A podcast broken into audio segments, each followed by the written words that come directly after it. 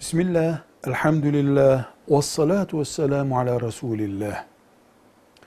Yatarken, yani yatakta, yorganın altında, dua yapılabilir. Hiçbir zararı yoktur.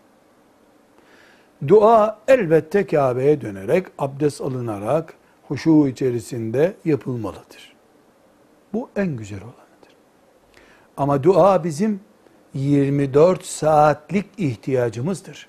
Herhangi bir dakikamız duasız olamaz.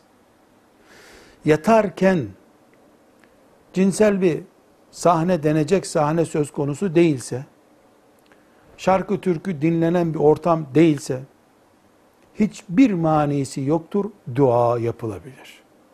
Yorganın altında uyumadan insanın dua yaparak uyuması fazilettir bile. Çok gereklidir, uygundur bile.